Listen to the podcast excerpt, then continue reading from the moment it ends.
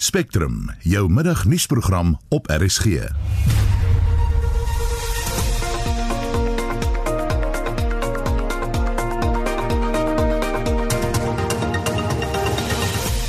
In vanmiddag se program. Vakbonde gaan vanmiddag 'n griefskrif aan die regering oorhandig oor beplande afleggings by die SAIK.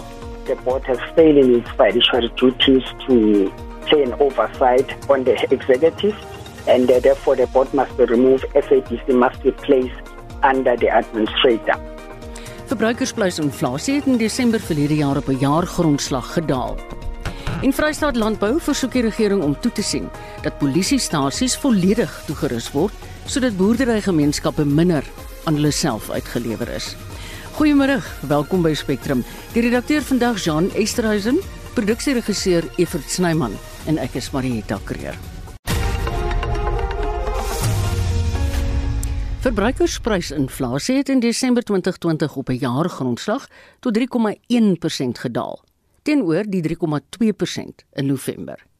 Die indeks het egter met 0,2% in Desember op 'n maandgrondslag gestyg. Statistiek Suid-Afrika het vroeër die jongste syfers bekend gemaak. Vir meer hieroor praat ons met Driekus Kombrink, die bestuurshoof en sigter van Capicraft. Hallo Driekus. Hallo Mariet. Hoe vergelyk hierdie syfers met die vorige jaar 2019 se? Maar dit is heelwat laer. Die 3.2% is een van die of die 3.1% eerder wat ons uh, nou sien. Een van die laagste syfers wat ons in uh, die onlangse verlede gesien het. Dit is heelwat laer as die gemiddeld vir 2020, maar die Suid-Afrikaanse Reserwebank se vooruitsigte vir 2021 wys op 'n hoër gemiddelde vlak van so 3.9% vir die jaar wat voorlê.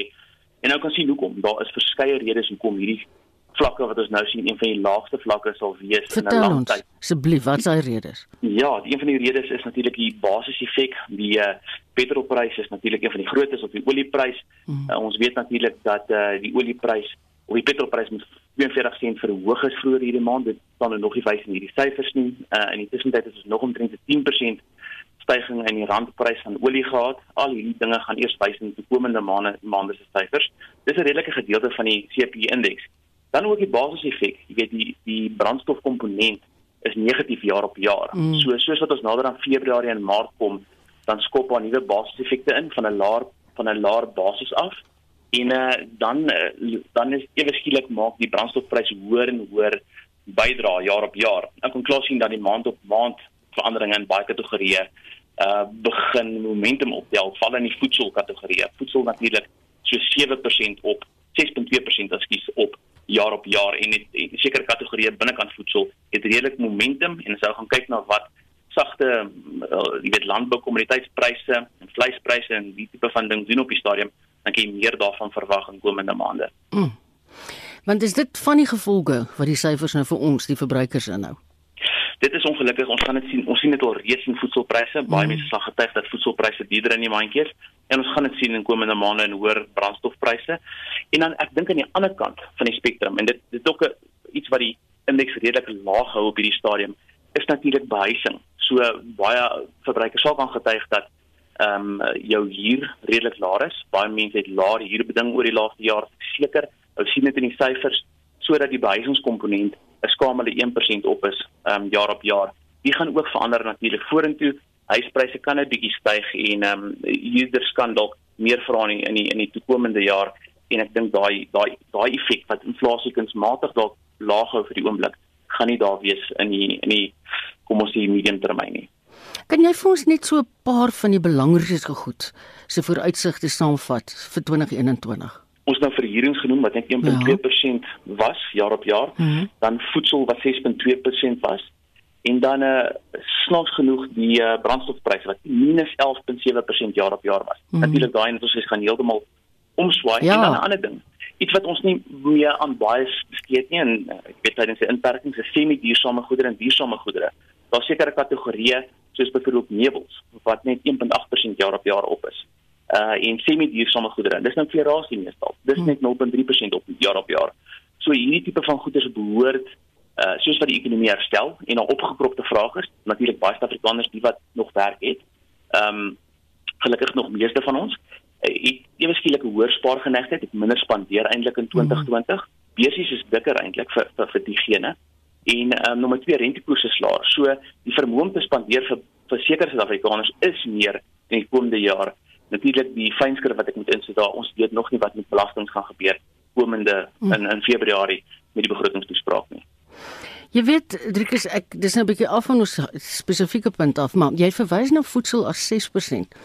Ek is seker as 'n klomp verbruikers daar buite, spesiaal dies wat vir al die inkopies van die kruideniersware doen, wat vir jou gaan sê dis baie meer. Ja, kyk daar seker komponente. Nou voedsel is 'n baie breë kategorie.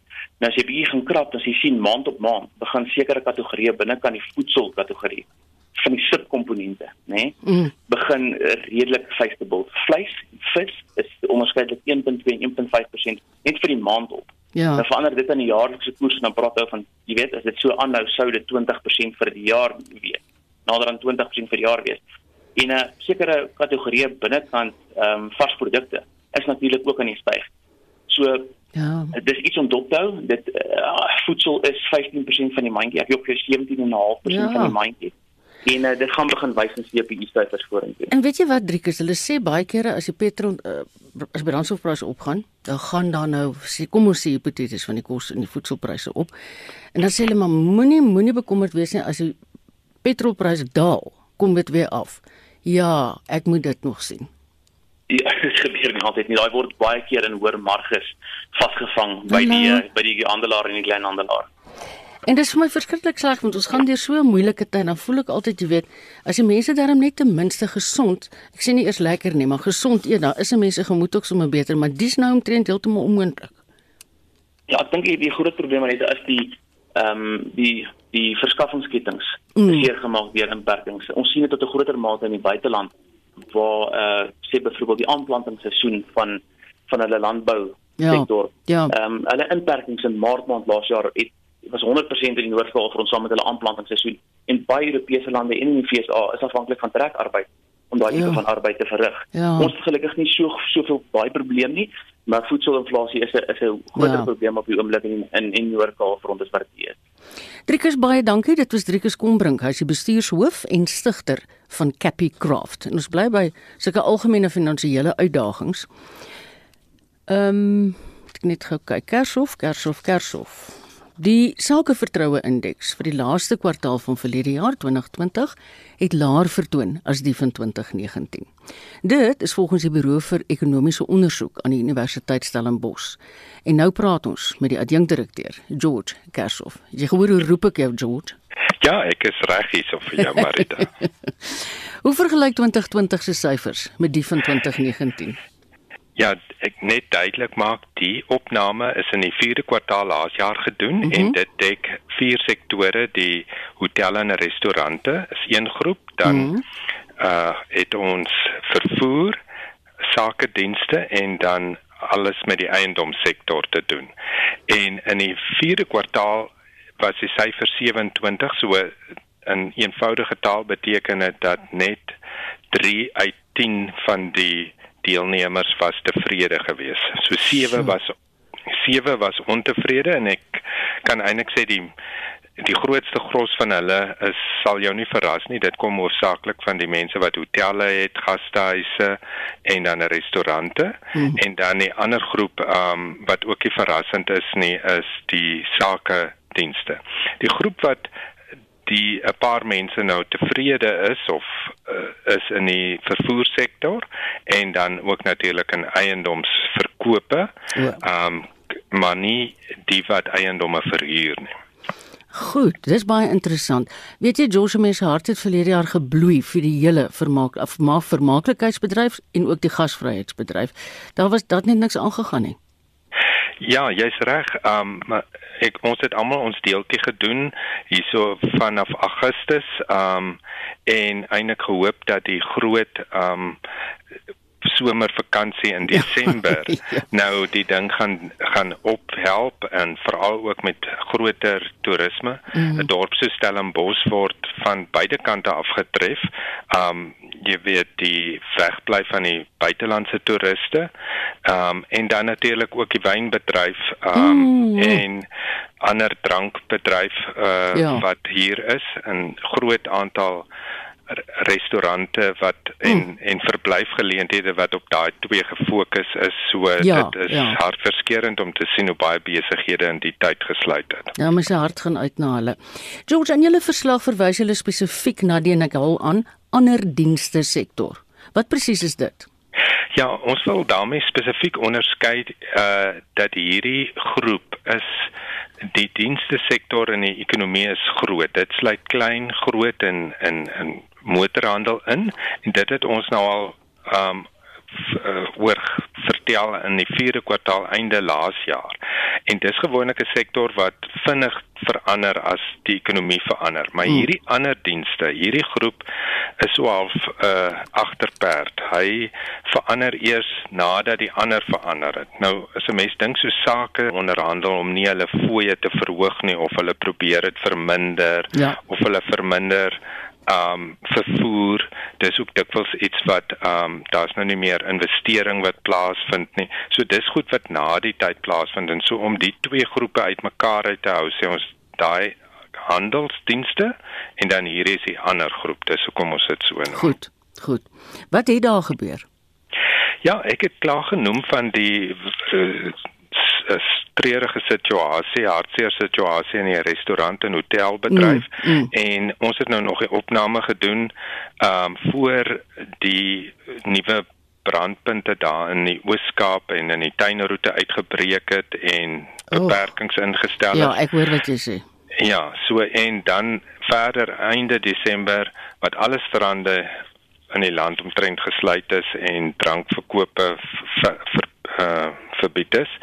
So dit sal natuurlik nou die prentjie vir hierdie mm. groep mm. verder versleg. Mm. Dan het ek ook genoem dat in die geval van die eiendomsbedryf ehm um, die mense wat eiendomme verkoop doen heel goed. Uh, ek dink dit hou verband met die lae rentekoers en sovoorts, maar die mense wat eiendomme verhuur, veral as jy nou dis nie net woonstelle en huise nie, maar ook kommersiële eiendomme, ja. winkelsentrums en so, hulle kry regtig swaar.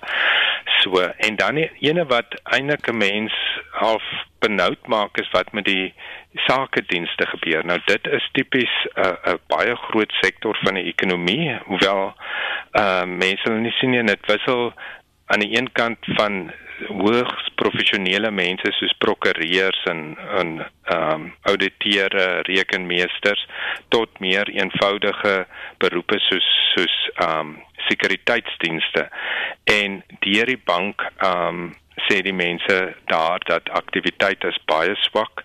Jy het ook veral die ehm um, ingenieursraadgewende ingenieurs en hulle hang natuurlik weer af van wat gebeur in die bou en konstruksie mm. bedryf en ook die mate waartoe plaaslike owerhede nuwe bouplanne goedkeur en daar is net nie 'n 'n stroom van mm. nuwe werk wat deurkom. So die bedryf kry swaar.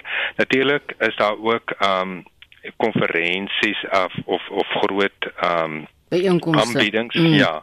Niks van dit vind nou plaas nie. Ek dink binne die sektor die enigste een wat regtig goed doen is die mense wat met skuldinvordering werk. George baie dankie. Ons gaan beslis later in die jaar weer met jou gesels. Maar as ek so na jou luister en selfs met die vorige gesprek wat ek gehad het met Driekus, dink ek jy daar is eintlik 'n sektor wat hierdie pandemie vrygespring het en wat nie swaar gekry het nie. Baie dankie. Dit was die adjunkdirekteur van die Buro vir Ekonomiese Onderzoek aan die Universiteit Stellenbosch, George Kershoff. Die gewelddadige aanval verlede naweek op die 77-jarige plaasvoorman Simon Makota op Harrisdale in Zastron se gebied het Vrystaat Landbou nou 'n beroep op die regering laat doen om toe te sien dat plaaslike polisiestasies volledig toegerus word sodat boerderygemeenskappe minder aan hulle self uitgelewer is. Ek praat nou met Tommy Esterhuizen, visiepresident van Vrystaat Landbou. Goeiemôre Tommy. Môre Marita en môre aan die luisteraars. Wat presies het met die bejaarde meneer Makota gebeur? Hy is in sy woning oorval Hulle het hom met mense gesteek om verskeie aanranding wonde toegedien en toe probeer om hom in 'n septiese tank te verdrink. Dis dis absoluut barbaars om om so op te tree. Hy's op die oomblik nog in, in aansterkte, so ons ons glo en ons vertrou hy sal gesond word en oor hierdie trauma kom. Wat was die motief vir die moord?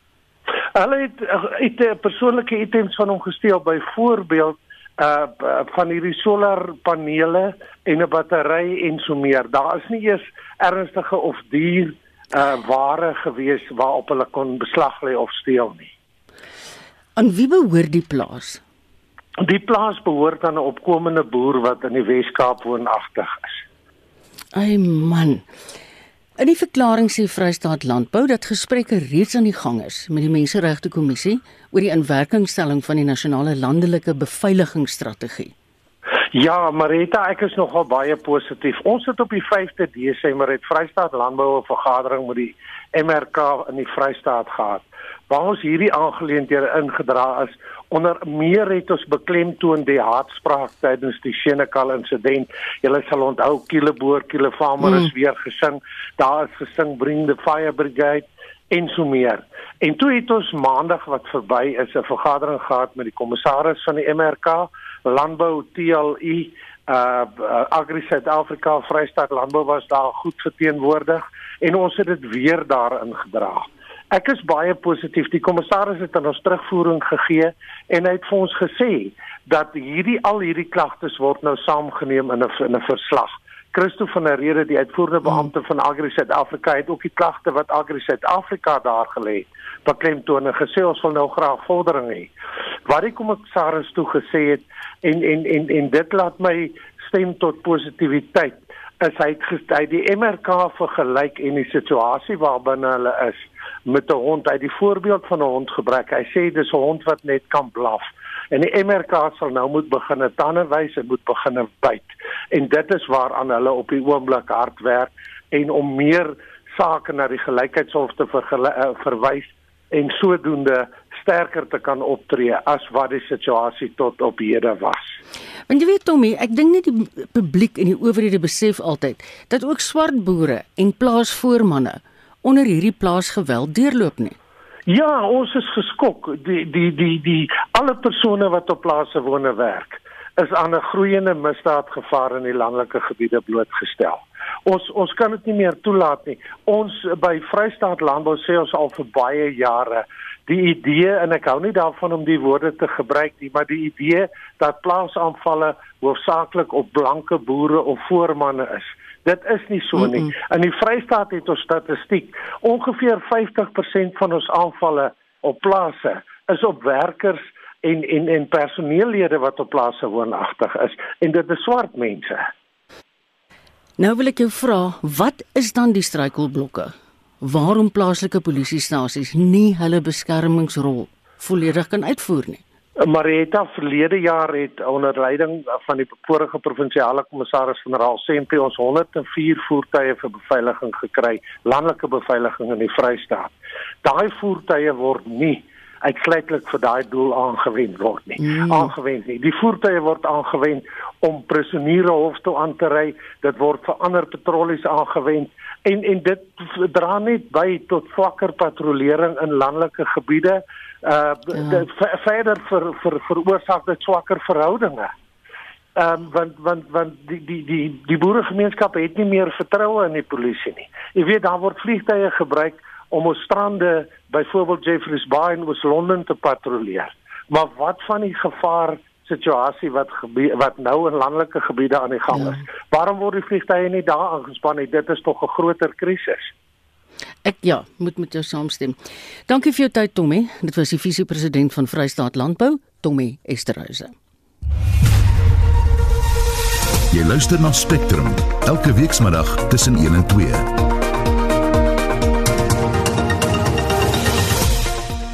Op die kop half 2. In vandag se program die vakbond CWU vra dat die SAIK raad ontbind moet word en die Kamala Harris wat vanaand Suid-Afrikaanse tyd as Amerika se eerste vroue visiepresident ingehuldig word. Haar benadering tot die oplossing van sistemiese uitdagings in Amerika byvoorbeeld gaan merkwaardig verskil van die tipiese politikus wat ons nou al voorheen in die presidentskap en die senaat aanskou het.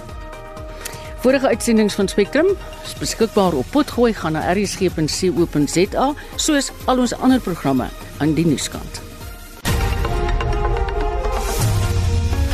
Daar is geen verkeer. Vandag is Marlenae nie saam met my in die ateljee nie, ongelukkig, maar hallo Marlenae, ek hoor jy het die jongste verkeersnuus. Middag Marieta, ja, op die hoofweg tussen Pretoria en Johannesburg is daar ewige verkeersvertragings. Dis nou weer se SAIK konvoi wat op pad is na Pretoria om 'n skrifskrif aan die by die Unie gebou af te lewer. Dis nou die N1 en die N1 en kyk ek sien na die pad lyk dit asof die voertuie teen 'n stinkspoed begin opdam. En dan in Pretoria self staan daar 'n voertuig op die N1 suid. Dis na die proefplaas wisselaar en twee bane is versper skep aan die aandag na die Oos-Kaap. Daar is protesoptrede op die N10. Ek sien die pad is met klippe versper, so vir my liefste pad as jy kan. Daar was 'n botsing in KwaZulu-Natal op die N2 Noord na die EB Kloete wisselaar. Die regterbaan daar is versper. Maar ons kan pas as dit vanmiddag se verkeersnuus. Men kan aanhou vir RSG op hoogte hou van hoe dit lyk op die pad. Kan 'n SMS stuur na 45799 gaan jou R50 kos per SMS. Gelukkig vir 'n slag gespektrum nie hier aanskuldig nie. Ons werk. Dit is goed ja. Ons moet iets doen.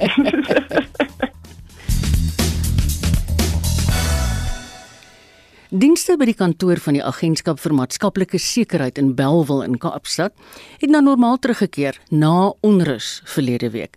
Polisiebeamptes is verlede week by die kantoor ontplooi om van van die mense te verseker wat in lang toue gestaan het om aansoek te doen om maatskaplike toelaas te hernie, seker te maak dat hulle hulle fisieke afstand van mekaar afhou. Toe moes die polisie waterkanonne gebruik om die regulasies af te dwing. Die Menseregte Kommissie het gister hieroor met SASSA vergader. Ons praat nou met 'n kommissaris van die Menseregte Kommissie, Chris Nissan. Hallo Chris. Hallo, dis Maret en geseënde nuwe jaar vir u en die luisteraars. Dankie, dankie vir jou ook Chris. Hoe reageer die MRK op wat verlede week in Kaapstad gebeur het? Eerstens, uh, ons het hulle vir SASSA verlede jaar al gewaarsku en genader toe die probleme in Kailicha gebeur het. En natuurlik met die aankondiging dat die tydelike ongeskiktheid toelaat uh, nou stop en dat mense moet heraansoek, het dit 'n paniek veroorsaak onder die mense. Veral die mense wat nou afhanklik is van hierdie van hierdie toelaat. Hmm. En natuurlik het mense nou da, daar is omtrent so 7000 mense wat vertel was dat hulle moet nou heraansoek doen en dit dit was toe nou hierdie mense was nou te paniek bevange. Hulle het gehaas na die kantore toe. Hulle het hulle in lang lyne gestaan hulle wou nie die die die lyne verlaat nie want hulle is bang hulle sal hulle beurt verloor in die lyn. Dit ook mense het geld geleen vir die taksies om te kom en hulle wou nie weer teruggaan mm. en weer gaan nie, mm. en daar gebly daarso. Jy weet Chris, ek het ekskuus tog, ek het beeldmateriaal gesien van baie ou mense en ook van mense met gestremthede. Ehm um, wat in die tou gesit het op stoele en hulle is toe nat gespuit natuurlik um, wat wat sê natuurlik is dat dit is kom uh, dit is totaal onaanvaarbaar. En en ons kan dit nie toelaat dat dit gebeur het met ou mense nie en weerlose mense nie. Ja.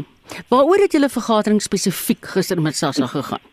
Met Sassa gesê het ons gepraat rondom wat is Sassa se plan om hierdie lang toue lyne en ehm um, te te verkoop en wat om te help. Hulle het net 10 punt plan gekom onder ook dan kry tonele uh soos gemeenskapsale, hulle het ooreenkomste met die ehm um, met die stad Kaapstad oor ingaan. Hulle het natuurlik 35 sale nodig, maar hulle het ag gekry wat ten minste sal help hmm. om die om die die toue te, te te verminder, die lyne te verminder. Ook hulle het 6 dae week doen gesit. Hulle het ook ekstra dokters gekry om te help by die verskillende eh, gesondheidsinstellings om die ehm um, die die die die die, die, die gesondheidstoets wat mense moet weer deurmaak te ver, verhaas en dis nie so ons is heeltemal tevrede dat Goed. dat Battle in, in gesit kan help as ons mond met maar een ding om te beloon is nie ding dan dat jy ek opposite weer staan daar wie jy nou is asseblief asseblief. Staan doodstil daar wie jy nou is Chris. Okay. Okay want jy het 'n bietjie opgebreek. Okay. Ek wil net gou vir jou vra ons het net nou met die gesprek met Tommy van die Vrystaat Landbou gehoor Daar's verwys na die MRK is iets wat so 'n hond is. Hy het baie tande maar hy, hy byt nie eintlik nie. Gaan julle nou hierdie vorentoe julle tande kan inleen hierdie tipe goed? Uh, jy weet ons ons kry uiteraard in baie woorde mense wat sê ja, die MRK is natuurlik, jy weet, uh uh, hulle hulle blaf maar hulle kan nie byt nie. Ek moet sê dat dit die MRK gaan dit net om te byt en te blaf nie. MRK gaan dit hoe los ons die probleem op in hierdie geval het ons die die die, die SASSA genader. In hierdie geval het ons 'n uh, uh, uh, daadwerklike plan daar en ons monitor daardie plan. Natuurlik uh, jy weet uh, ons kan nie aanbod almal tevrede stel nie. Mm. Maar hierdie weerlose ou mense kan die Amerikaanie hulle rug opdraai nie nee. en dit is wat ons besig is om te Goed. doen. Chris baie dankie en dankie vir julle werk. Chris Nissan, 'n kommissaris van die Suid-Afrikaanse Menseregte Kommissie. Ehm um, die Amerikaanse president Donald Trump het sy lys van kwytskeldings tydens sy finale paar ure as president bekend gemaak. Dis heelwat minder as baie van sy voorgangers. Maar snaaks genoeg, hy het nie homself, lede van sy familie of sy prokureur, Rudy Giuliani, kwytgeskeld nie. Ons gaan terug na Marlenae. Die naam op Trump se lys van 73 wat die meeste aandag trek, is Trump se voormalige regterhand in die Withuis, Steve Bannon. Die BBC se korrespondent in Washington, Nomia Iqbal, sê Bannon word as een van die mees omstrede figure op die lys beskou. He was his former chief strategist, often credited for Donald Trump's victory in 2016. They fell out for a while. Donald Trump fired him and went after him on Twitter. And last year, Steve Bannon was uh, charged with fraud. He was facing uh, charges related to a fundraiser uh, for President Trump's US Mexico border wall projects. He denied all those charges. He was waiting trial. And now he has effectively been cleared by President Trump. And it does open up Mr. Trump to more criticisms that he is using his presidential to help his friends. But presidential pardoning power is available for all presidents. If you go right back through history, there's been lots of controversial pardons. Arguably, the biggest one was when Gerald Ford pardoned Richard Nixon in 1974. Dit was die BBC se korrespondent in Washington, Nomia Iqbal.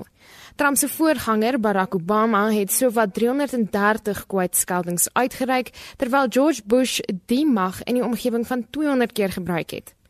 En dit Brody wat erken het dat hy buitelandse tenderprosesse verontagsaam het, asook die voormalige burgemeester van Detroit in die deelstaat Michigan, Kwame Kilpatrick, is ook kwytgeskeld. Kilpatrick besig om tronkstraf van 28 jaar vir bedrog uit te dien.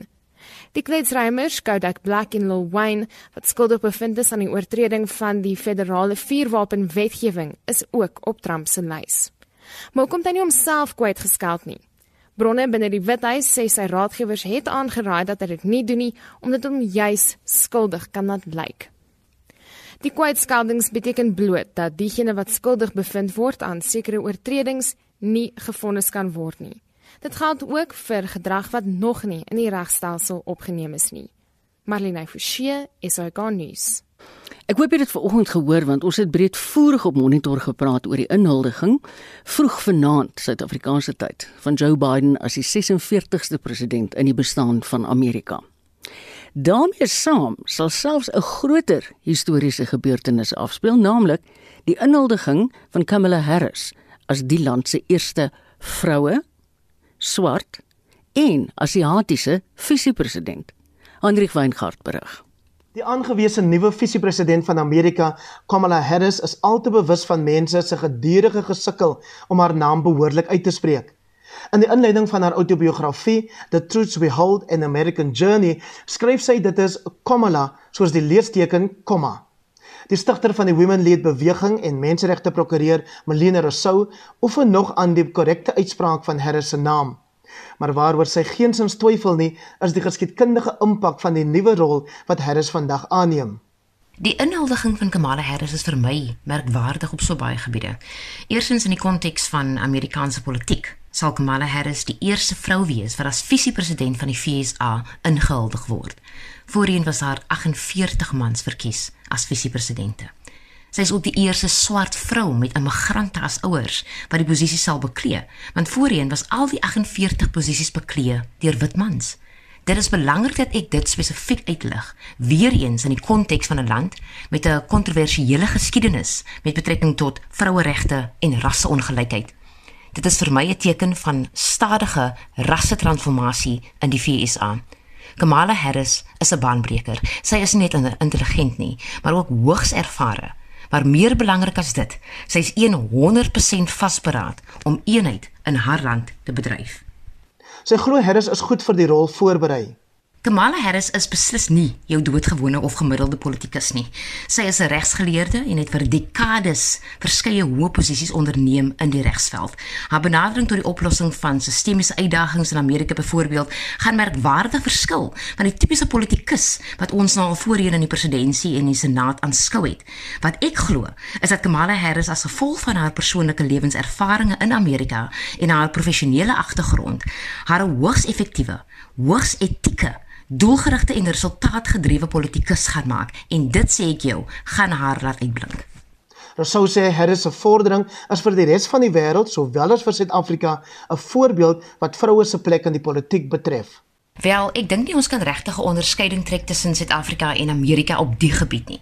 Suid-Afrika het nou wel twee tydelike visiepresidente gehad in ons demokrasie. Ehm um, ek dink dit was Pumzile Mlambo-Ngcuka as ook Baleka Mbete en dit is nou regtig nie iets om te seëvier nie. Hulle was die spreekwoordelike instanders gewees gedurende uh, daai kontroversiële tyd in Suid-Afrika. Dieselfde in Amerika. Die VSA is nou vir eeue lank 'n demokrasie. Maar dit het nie beteken dat daar gelyke regte vir vroue of swart Amerikaners was nie. Die kwessie van gelyke deelname en verteenwoordigheid in politiek van vroue is 'n wêreldwye probleem.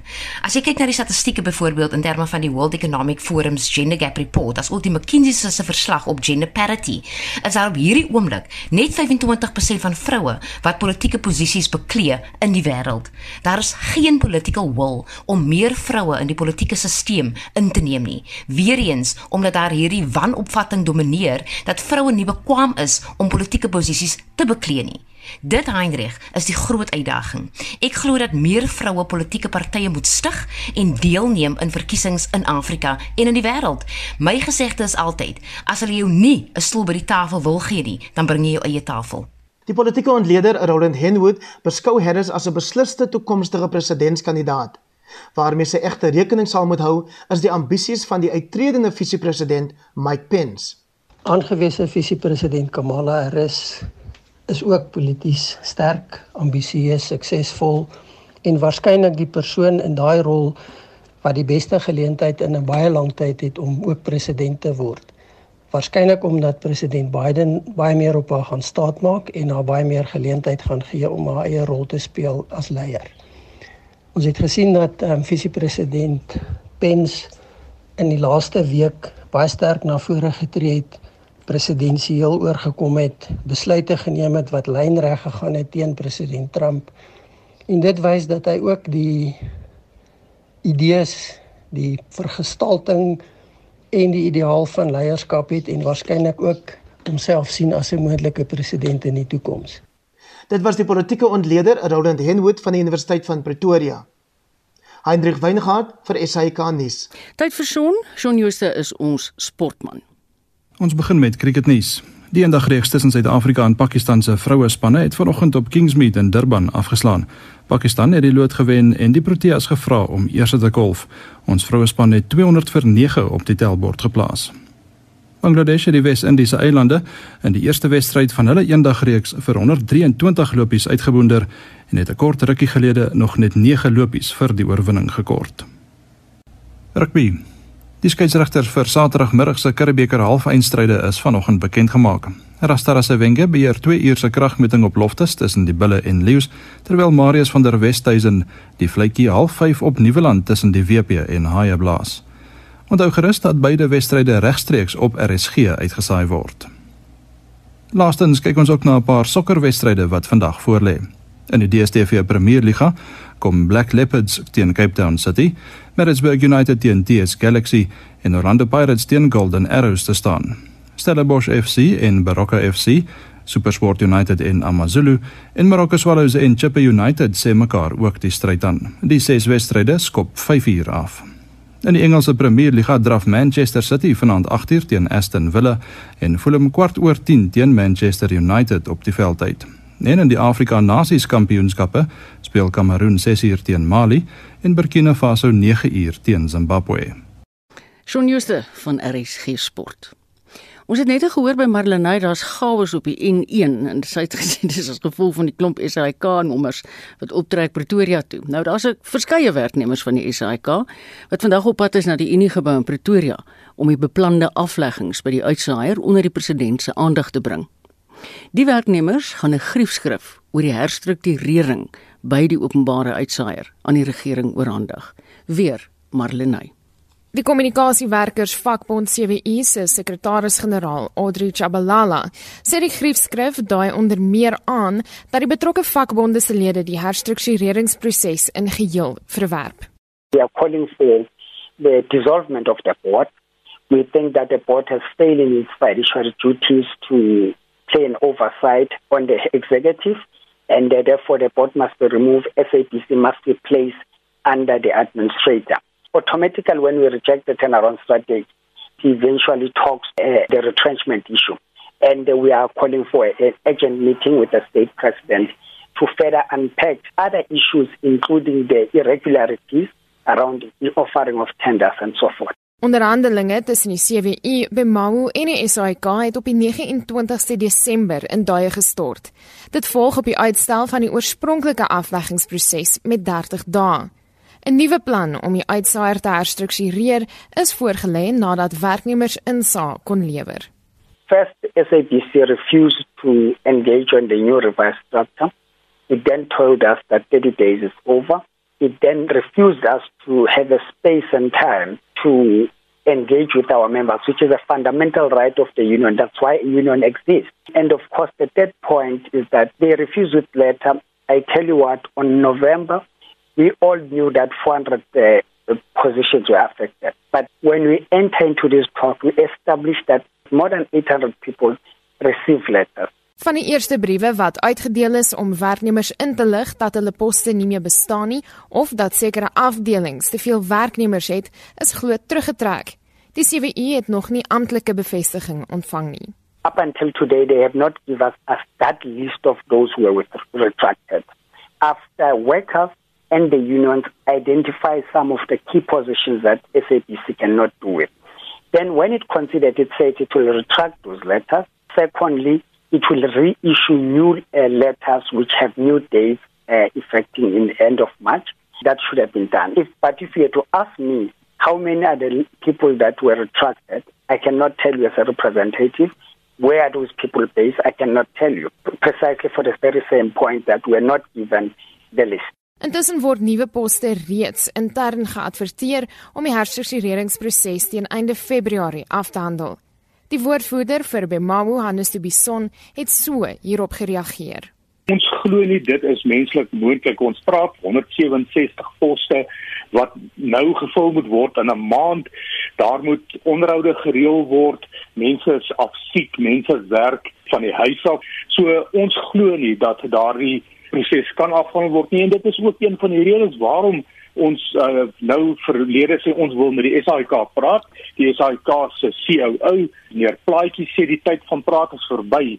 Ons glo nie die tyd van praat is verby nie. Ons glo die SAIK gaan ernstig skade ly as daar op hierdie hastige manier voortgegaan word. Daar is egter steeds afdelings wat nie briewe ontvang het nie.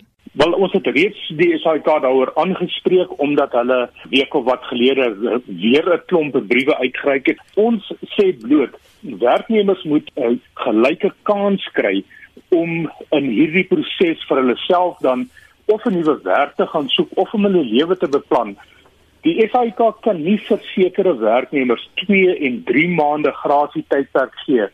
Um, en vir ander mense 'n week of 2 kennis gee nie. So Die SAK is op rekord dat hulle het reeds alle briewe uitgereik en ons sê bloot dat as enige verdere briewe nou uitgereik word, dan sal ons dit sterk oorweeg om weer op 'n dringende basis hof toe te gaan om daardie uitreiking van daardie briewe te stop. 'n Mens kan nie 'n proses op hierdie manier hanteer waar jy voortdurend briewe uitreik en terugtrek en uitreik en terugtrek. Is so nou vol dat die stryd nog lank nie gewonne is nie. Daar is ander maniere hoe oor uh, hier met hierdie ding gedeel kan word en dit is hoekom ons sê en as werknemers ernstig is oor hulle werk, werknemers regtig nie hulle werk wil verloor by die SAIK nie, is dit nou die tyd om hand op te steek en te sê ek gaan deel word van hierdie grondwetlike aksie teen die huidige bestuur van die SAIK wat werknemers behandel het soos wat ons weet hulle behandel is.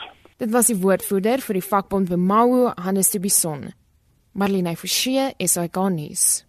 En daarmee sê ons almal dankie vir die saamluister. Vandag was die redakteur Jean Esterhuizen, produksieregisseur Evert Snyman, die medewerkers Heinrich Weingart en Marlene Forsie. Ons hoop jy geniet jou middag saam met RSG.